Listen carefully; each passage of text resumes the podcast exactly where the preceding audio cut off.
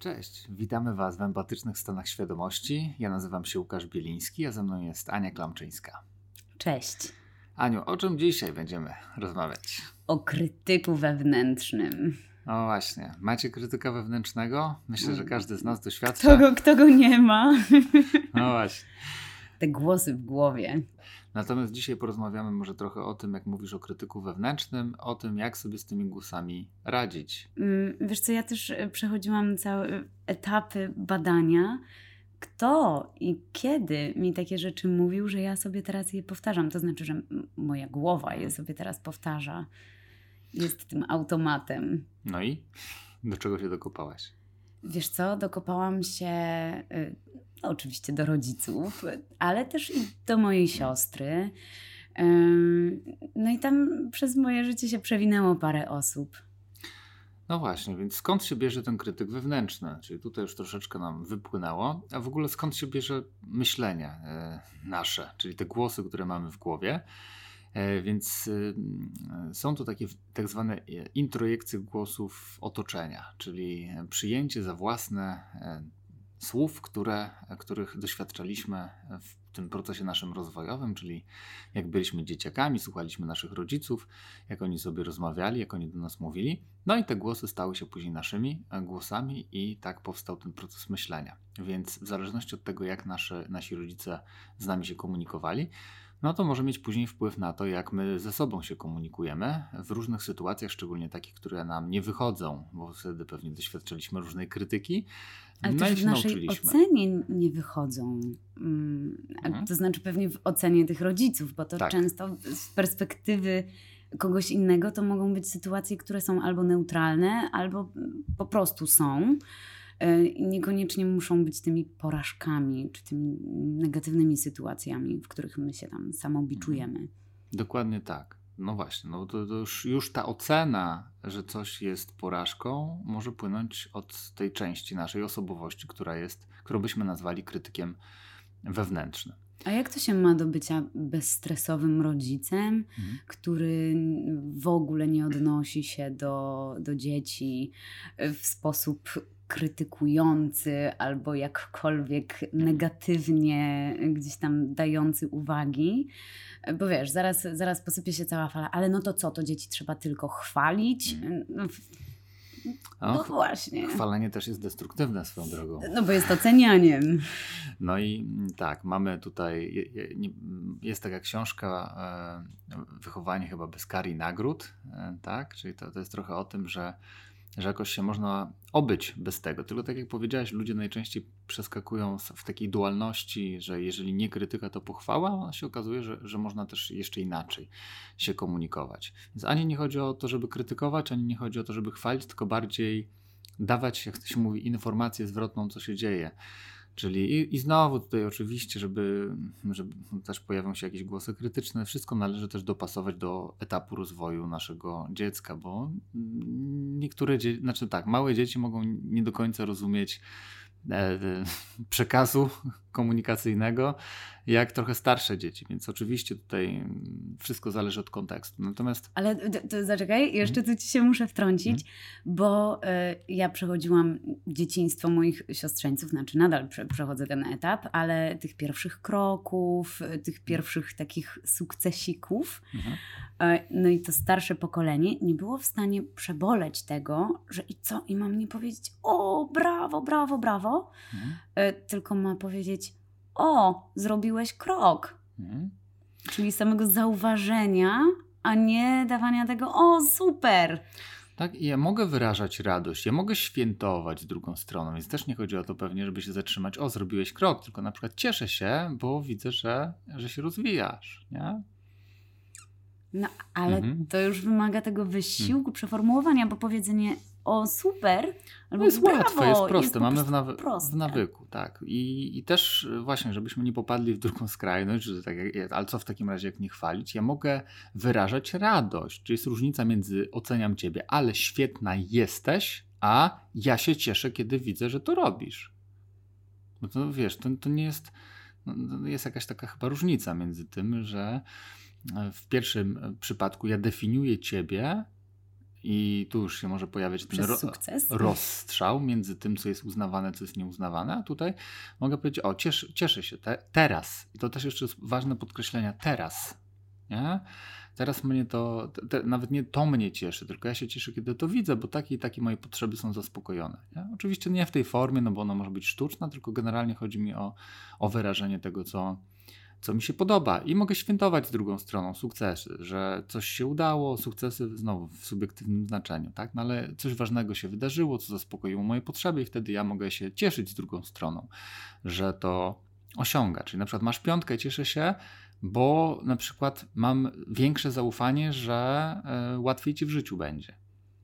Mm, ale mhm. też często brakuje nam mm, słownictwa, kompetencji mhm. E, w kwestii rysowania. E, co mówimy, widzimy rysunek dziecka i mówimy, o, ale ładnie. Mhm. Ale ładnie. Bo nie umiemy rozmawiać o sztuce w żaden inny sposób. To też. To ja też. akurat skończyłam studia takie, a nie inne. Akademia Sztuk, Piękna, Akademia Sztuk Pięknych mnie nauczyła tego, że można nieco inaczej się wyrażać o sztuce hmm. i że nie każda e, sztuka musi być ładna, w hmm. cudzysłowie ładna, e, ale może mieć całą paletę zupełnie innych wartości. Mm, no i rysunek nie musi być tylko ładny. No nie musi. Ale nie, nie umiemy o tym mówić. Tak, no i też pytanie, jaka jest intencja, bo może być też taka, że mi się naprawdę ten rysunek nie podoba.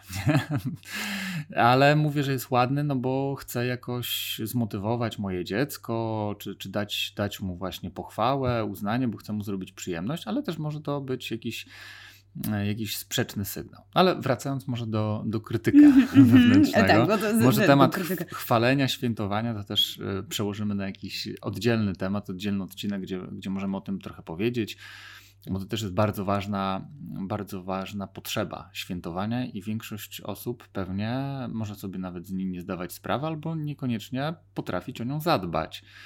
Bo często mamy takie podejście, no, że a dobra, to nic takiego, nie? albo dopiero będę świętować, jak się wydarzy coś kosmicznie wielkiego, nie? zamiast na przykład świętować nawet jakieś małe zmiany, które rzeczywiście wzbogacają moje życie. Ale o tym może właśnie w innym odcinku. E, Dzisiaj o krytyku, ale wewnętrznym. Krytyku, tak, wewnętrznym. I teraz, y, no właśnie, jak z nim pracować?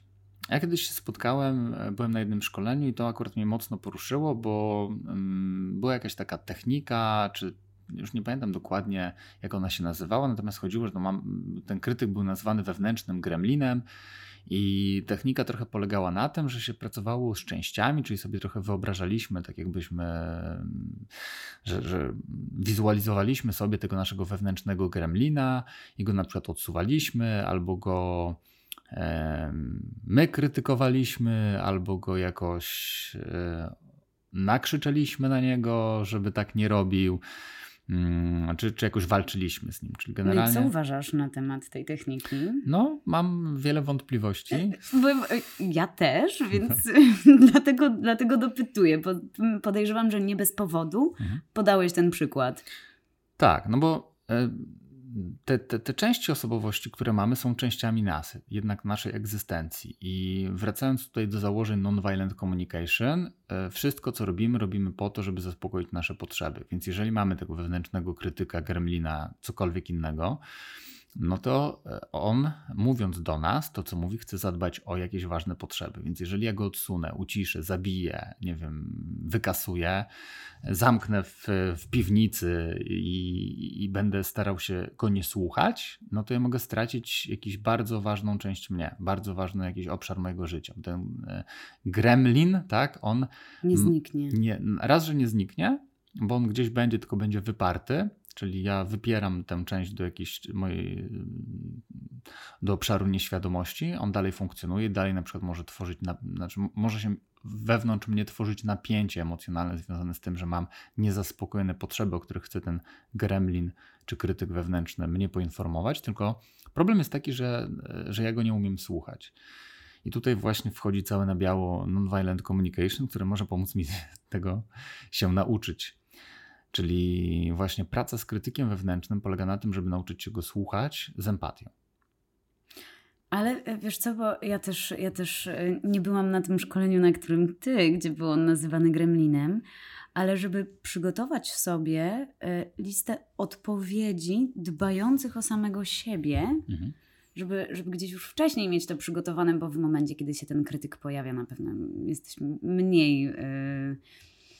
Mamy mniej możliwości do tego, żeby wejść z nim w taką dyskusję stającą za samym sobą. Um, I te odpowiedzi, ja ostatnio wróciłam do nich i przeczytałam je sobie, i one mnie bardzo wzmocniły gdzieś tam w, tych, w tej polemice z tym mhm. krytykiem wewnętrznym. A jakie na przykład, jak one brzmiały? Jakiś może jeden przykład masz? Też jestem ciekawy, jak to wygląda.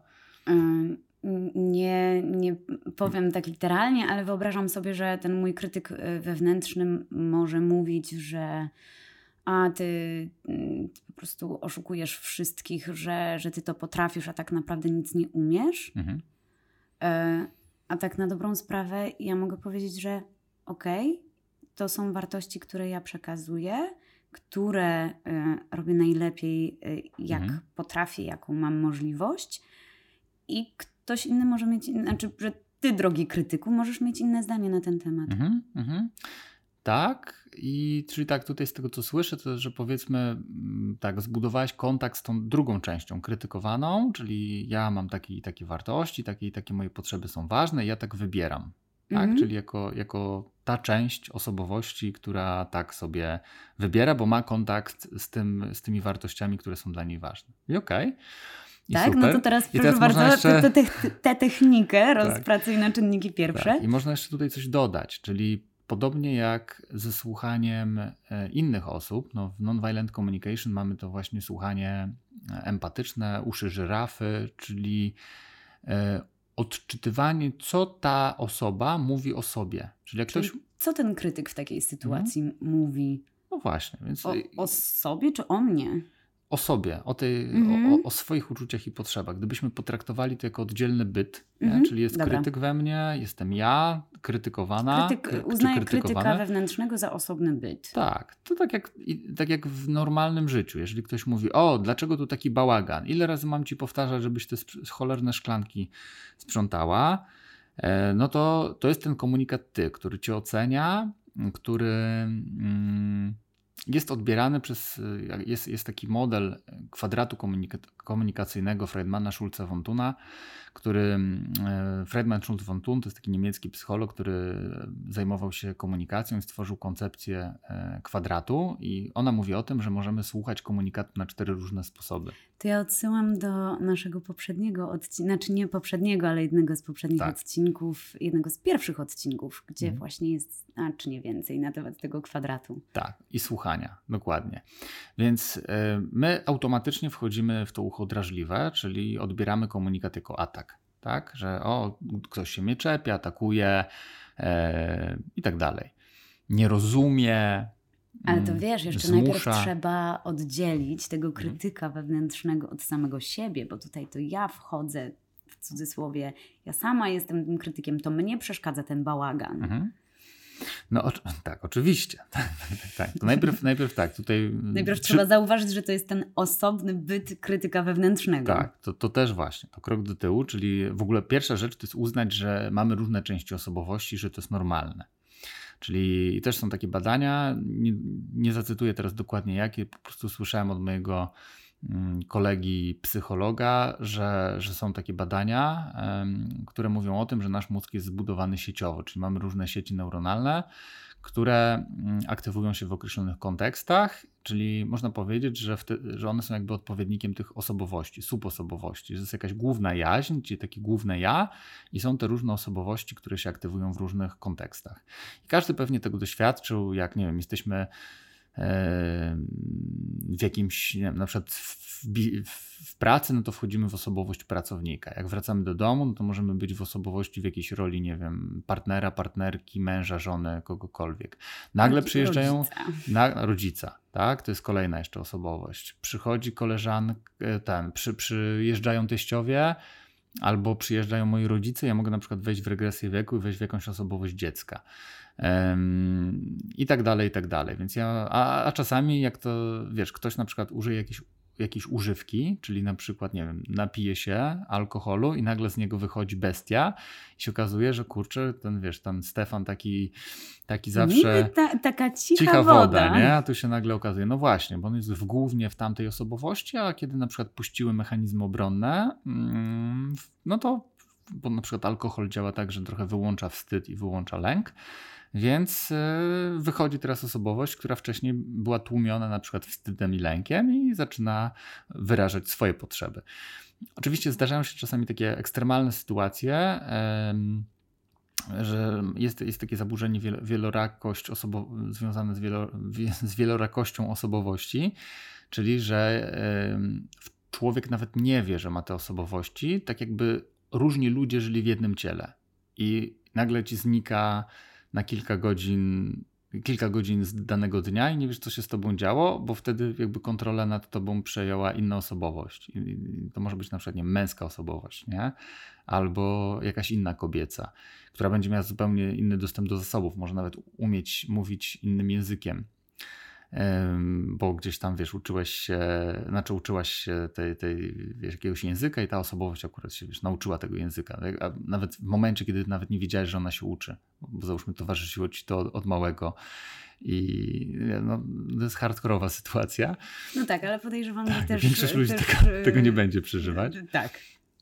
Tak, i jest taka książka właśnie, Człowiek o dwudziestu chyba kilku twarzach, już nie pamiętam, nie 50 twarzy Greya, ale tak, ale... Tam ta książka jest o czym innym. trochę, trochę o czymś innym. Natomiast, natomiast y, no, to się wydarza, kiedy doświadczamy w jakimś dzieciństwie jakiejś bardzo poważnej traumy i wtedy mózg dokonuje takiej, można powiedzieć, takiego rozczłonkowania tych różnych sieci neuronowych, żeby żeby mm, no, uchronić się przed olbrzymim cierpieniem. Tak może powstać taka wielorakość osobowości. Nasz mózg jest niesamowity pod tym tak. względem, jak dużo rzeczy jest w stanie wyprzeć, żeby, e, żeby, żeby funkcjonować, żyć. Funkcjonować. Tak. I no ale wracając, my mamy te osobowości różne i one y, mają różne potrzeby, różne zasoby, różne umiejętności. I nawet zauważyłem u siebie w pracy, że E, że jak ja wiesz, prowadzę jednoosobową działalność, jestem trenerem, wiesz, przedsiębiorcą i nie wiem, domownikiem, e, to czasami można się pogubić w tym, e, że wchodzisz w jedną osobowość, na przykład wizjonera i sobie wiesz, czerpiesz przyjemność z tworzenia wizji, co ja zrobię, co ja zbuduję, co ja wytworzę, co ja zmienię i czerpać z tego radość, ale kiedy na przykład ma przejść teraz, mam przejść teraz do na przykład wykonywania i wejść w taką inną rolę typu kreatora, to mogę być dalej w tym wizjonerze. I wizjoner, który ma kreować, no to on nie ma takich zasobów, on chce tworzyć wizję, e, wymyślać. E, jest sfrustrowany, kiedy e, nagle ma skupić się na tworzeniu, robieniu. I miałem takie właśnie odkrycie, że kurczę, a jakby to było, gdybym był e, właśnie takim kreatorem. I, trochę mi się to skojarzyło z jakimś osobą, która tworzy muzykę, która na przykład zamyka sobie oczy, zaczyna naciskać na klawisze fortepianu, płyną jakieś dźwięki, ona się wczuwa i tak sprawdza, w które nuty sprawiają jej przyjemność, jakie ułożenie tych nut sprawia jej przyjemność. I nagle jakby załapałem trochę, jak to by byłoby być kreatorem i postarałem się to przełożyć na moje na moją pracę, czyli na przykład projektuję szkolenie, zamykam sobie oczy i sobie wczuwam się, jakie na przykład ćwiczenia sprawiały, wiesz, gdzie mnie, gdzie mnie pchają te emocje, nie? Gdzie, gdzie czuję radość, gdzie czuję przyjemność e, w związku z kreowaniem.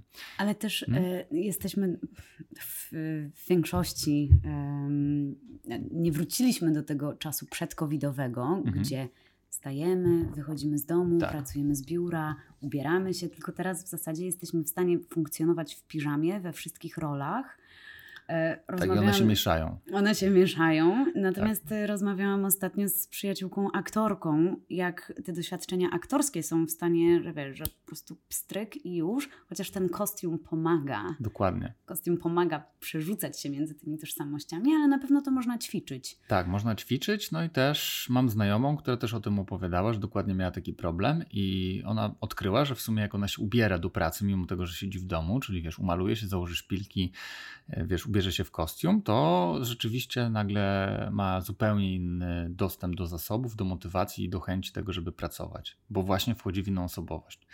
I każdy z nas w zasadzie trenował to w dzieciństwie, tylko po prostu za, zapomnieliśmy o tej umiejętności, bo jak się bawiliśmy, że jestem Supermanem, a ty jesteś Batmanem i teraz wiesz, ganiamy siebie, no to się wczuwaliśmy jak najbardziej w te role, w te osobowości.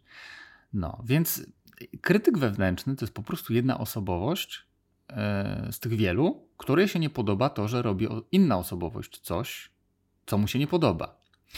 Tyle tylko, że ten krytyk wewnętrzny, jako że byliśmy wychowywani tak, jak byliśmy wychowywani, no to jest nauczony komunikować się z nami właśnie w taki sposób, jak byliśmy uczeni, czyli poprzez ocenianie, krytykowanie, straszenie, grożenie, wzbudzanie poczucia winy, e, radzenie mm, i tak i teraz, jak ja wyćwiczę sobie to ucho empatyczne, to ja mogę zacząć słuchać tego krytyka wewnętrznego i, i właśnie sprawdzić, co mi tak naprawdę mówi o sobie. Czyli na przykład on mówi, że tak jak, tak jak wracając do Twojego przykładu, tak, że Ania, e, ty tam jeszcze raz, jak co, co mówił? Że e, syndrom oszustki. A, syndrom oszustki, tak.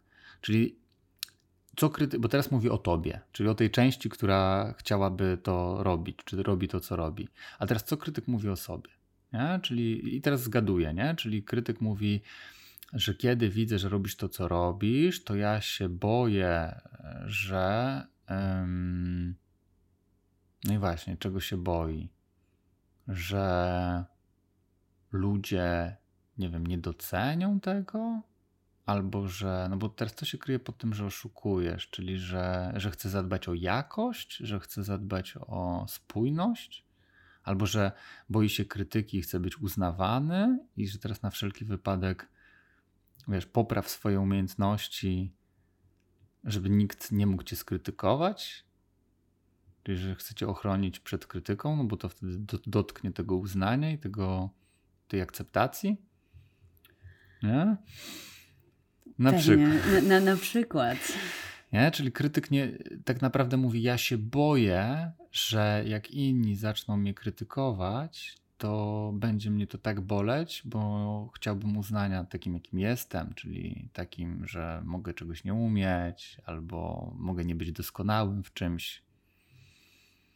I nagle się okazuje, że ten krytyk, no tak naprawdę, no, no nie jest taki może zły. Tylko nie, to jest, krytyk to jest osobowość, która nie ma umiejętności empatycznej komunikacji. Po prostu. Nie? Czyli jego też trzeba sobie przetłumaczyć na język empatyczny. Tak, to co mówi, tak. Odkryć, czego on pragnie, o co on chce się zatroszczyć. Bo on też się chce o coś po prostu zatroszczyć, tylko nie umie tego wyrazić, więc ocenia nas. Więc ta cała e, praca z krytykiem wewnętrznym to jest takie właśnie trochę wczuwanie się, e, czasami też nawet wchodzenie w tą rolę, czyli Tutaj są takie trochę narzędzia z terapii gestalt, że możemy wiesz, sobie nawet postawić krzesła. Teraz wchodzę w jedną część, jestem tą krytykowaną, mówię, co mi na przykład robi ta krytyka. Nie? Bo też mogę powiedzieć krytyku, kiedy mówisz do mnie, że jestem oszustką, to ja czuję złość, frustrację, bo chciałbym być widziana taka, jaka jestem, że mam takie takie intencje, że chcę też uznania dla swojej niedoskonałości. Kiedy mi mówisz to, co mówisz, to co mi to robi? No, robi mi to, że nie, nie pomaga mi to. Nie? I, I że tracę motywację, jestem, doświadczam smutku, trochę bezsilności, nie wiem co zrobić. Czy krytyku to mi to robi? Te słowa też wejść w drugie krzesło, co, co mi to robi, jako, jak jestem tym krytykiem, nie? że ja się boję tego właśnie, że ktoś mnie skrytykuje, że zobaczy, że ja nie jestem doskonały. I z jednej strony boję się, że jak na przykład będę to komunikować, że jestem niedoskonały, to że inni mnie nie będą uznawać, na przykład stracę klientów, a chcę zadbać o bezpieczeństwo. A z drugiej strony, jeżeli na przykład nie, nie powiem o tym, a ktoś to nagle odkryje, to też mi zarzuci, że, że, że nie wiem, że go oszukałem i stracę na przykład relację, bliskość, jakiś kontakt z, to, z, z tą osobą i że jestem trochę w takim konflikcie i że, że się boję. Okej, okay, krytyku, czyli ty się boisz, bo ty chcesz tego i tamtego, tak, ja chcę tego i tamtego, to co my możemy zrobić? I wtedy szukać, nie? Czasami rozwiązań, które będą dobre dla krytyka i dla tej drugiej części, która jest krytykowana, i też dogadać się z krytykiem, że słuchaj, jeżeli ci się pojawi na przykład jakaś obawa, to czy możesz mi zakomunikować to w taki taki sposób. i teraz dać przykład, nie? że słuchaj Ania, kiedy widzę, że na przykład robisz to i to, to ja się boję, że na przykład ktoś uzna, czy Właśnie nie da uznania. Nie, nie da uznania. I się teraz boję. Czyli zamiast jesteś cholerną oszustką, to powiedz mi, Ania, boję się, że nie dostanę uznania. Nie? I wtedy łatwiej mi będzie Ciebie usłyszeć i, sto, i zadbać o Twoje potrzeby. Co Ty na to, krytyku? No dobrze, ale y, krytyk mówi boję się. Mhm. Ja też się boję i czy, mhm. jak, jak wiesz, to, to nie są przyjemne emocje i teraz czy one się jeszcze nie zdublują, ten, mhm. ten mój lęk, strach e, z, mhm. ze strachem tej, tej osobowości krytyka. Myślę, że ten strach i tak jest, tylko wyparty. Więc mhm. pewnie tu jest, wiesz, i tu może wyjść kolejna część osobowości jakaś, nie? Czyli pojawia się teraz kolejny krytyk na całą sytuację, który mówi: O, uwaga, teraz jak was dopuszczę do, do głosu, czy jak zaczniemy się wgłębiać, to się boję, że na przykład stracę kontrolę, że mnie tak zaleją emocje, że nie dam rady tego udźwignąć i się rozbiję. Okej, okay. czyli ty chcesz mieć zaufanie, że że te emocje cię nie, nie no nie wiem, nie, nie, nie zniszczą, tak? No tak. To co na to, żeby trochę je wpuścić. No to i się sprawdzimy, ile, ile da I, radę. Ile dźwigniemy. Ile razem. dźwigniemy. A jak, jak będzie dyskomfort, to wtedy wyjdziemy z tego wiesz, no to też może tak, wiesz, dla osób, które nigdy nie pracowały, w ogóle dziwnie wygląda się, że my tutaj siedzimy i sobie, wiesz, gadamy z trzema częściami osobowości. I jeszcze tak, wiesz, między tymi tak. krzesłami lawirujemy. Tak, natomiast no, ma to jak najbardziej takie podłoże psychologiczne. Jest taka metoda terapeutyczna, która się nazywa IFS, Internal Family System, która właśnie polega na tym, system wewnętrznej rodziny, że zaczynamy uczyć się po pierwsze zauważać części osobowości, rozpoznawać części osobowości, odkrywać, że są różne typy osobowości, że są na przykład osobowości, które są strażnikami, które na przykład nie dopuszczają właśnie, tak jak tutaj wszedł strażnik, e, hola hola, e, jak wam odpalę, znaczy jak, jak, jak wam pozwolę przeżywać emocje, to, to mnie to zniszczy, nie? A tam pod spodem jest jakaś zraniona część osobowości, którą strażnik chce chronić, nie? I są na przykład menadżerowie, którzy właśnie zaczynają, e, wiesz, szukać rozwiązań na to, żeby zadbać o system, tej, ten wewnętrzny nasz system i e, no i właśnie, i żeby to jakby zadbać w sposób, e, zadbać w sposób taki konstruktywny. I są strażacy, którzy na zasadzie gaszą pożar, i oni jak wchodzą z buta, no to, to wtedy no, może, może być to nie do końca konstruktywna reakcja. I teraz ja ucząc się tego, że mam te osobowości, zauważając je, oswajając się z nimi, no, ucząc się rozmawiać z nimi, jestem w stanie dogadywać się, rozwiązywać konflikty wewnętrzne, które mam w sobie. I w efekcie no, poprawiać jakość życia, bo y, potrafię się dogadywać z moimi osobowościami. Nie traktuję tego jako coś dziwnego, tylko że we mnie istnieje jakby we mnie żyje wiele ja, które, które mają no, różne potrzeby, różne zasoby i jest okej. Okay. Ja jako ten główny, ten system, ten, czyli ta jaźń taka główna, zarządzę tym całym, tym całą moją rodziną wewnętrzną, właśnie będąc takim mediatorem, będąc takim właśnie wsparciem. Tłumaczem. Tłumaczem, empatycznym. tak. Empatycznym tłumaczem i, i trochę takim wewnętrznym terapeutą, który potrafi potrafi pomóc e, tym częściom odnaleźć alternatywne strategie do zaspokajania potrzeb. Ale wiesz co, też e, mam wrażenie, że bardzo często ciężko jest nam być swoim własnym terapeutą, mhm. że, że to jest e, ogromne wyzwanie i po prostu czasami jest to dla nas niedostępne. Oczywiście, tak. tak. Więc na początku no, sami sami pewnie nie udźwigniemy tego wszystkiego, stąd no, się korzysta tak właśnie ze wsparcia zewnętrznego, żeby później się nauczyć e, też pracować ze sobą, tak?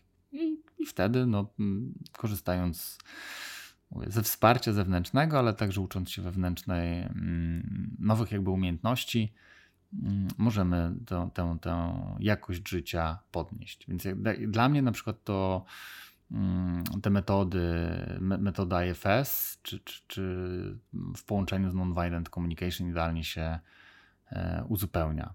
A do tego jeszcze wiesz, jakaś praca z traumami, przepracowywanie traum i te wszystkie narzędzia po pozwalają nam po prostu mieć lepszy kontakt ze sobą, lepszy kontakt z potrzebami, większą świadomość siebie, większą świadomość innych ludzi, większą empatię, e, lepszą jakość komunikacji.